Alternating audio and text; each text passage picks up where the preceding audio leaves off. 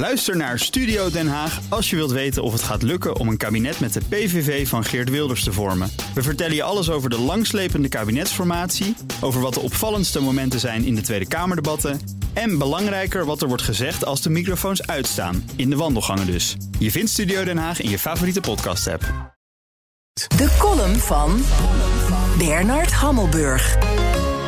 Navranter kan het nauwelijks, maar één hypernerveuze Iraanse militaire mafkees heeft meer teweeggebracht dan Trump, de geliquideerde roverhoofdman Soleimani en groot Ayatollah Khamenei bij elkaar.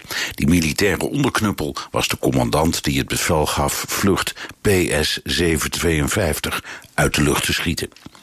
Het is een tenenkrommend verhaal. Die commandant meende dat het Oekraïense verkeersvliegtuig een Amerikaanse kruisraket was. Elke amateur kan het verschil zien tussen het radarprofiel van een kruisraket en een verkeersvliegtuig, maar die commandant dus niet en zijn baas was onbereikbaar. Na de liquidatie van Soleimani trok een menigte de straat op om te protesteren tegen de duivelse moordenaar Trump. Dat was goeddeels geanceneerd. Na het neerschieten van PS-752 trok een menigte de straat op om te protesteren tegen dictator Khamenei. Daar was niets geanceneerds aan.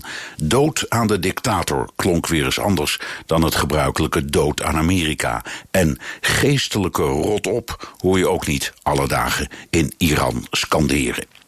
Een aantal dingen gebeurden niet. Tot verbijstering van Trump nam het Amerikaanse volk niet vol ontzag de honkbalpet af voor zijn heldendaad. Vooral toen zijn eigen minister van Defensie Esper hem tegensprak over op handen zijnde aanvallen op Amerikaanse ambassades. Tot verbijstering van team Trump knielde ook het Iraanse volk niet nederig voor het uitschakelen van roverhoofdman Soleimani. Tot verbijstering van team Trump waren de bondgenoten niet euforisch, maar sceptisch. Er gebeurde nog iets niet.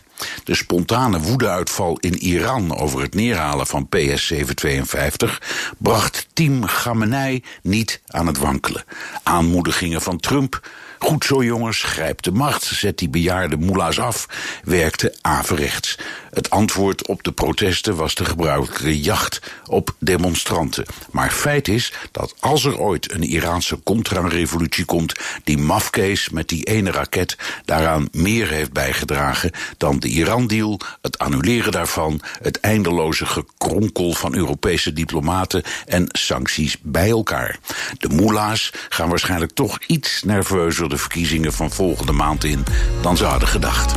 Columnist Bernard Hammelburg. Terugluisteren? Ga naar bnr.nl of de BNR-app.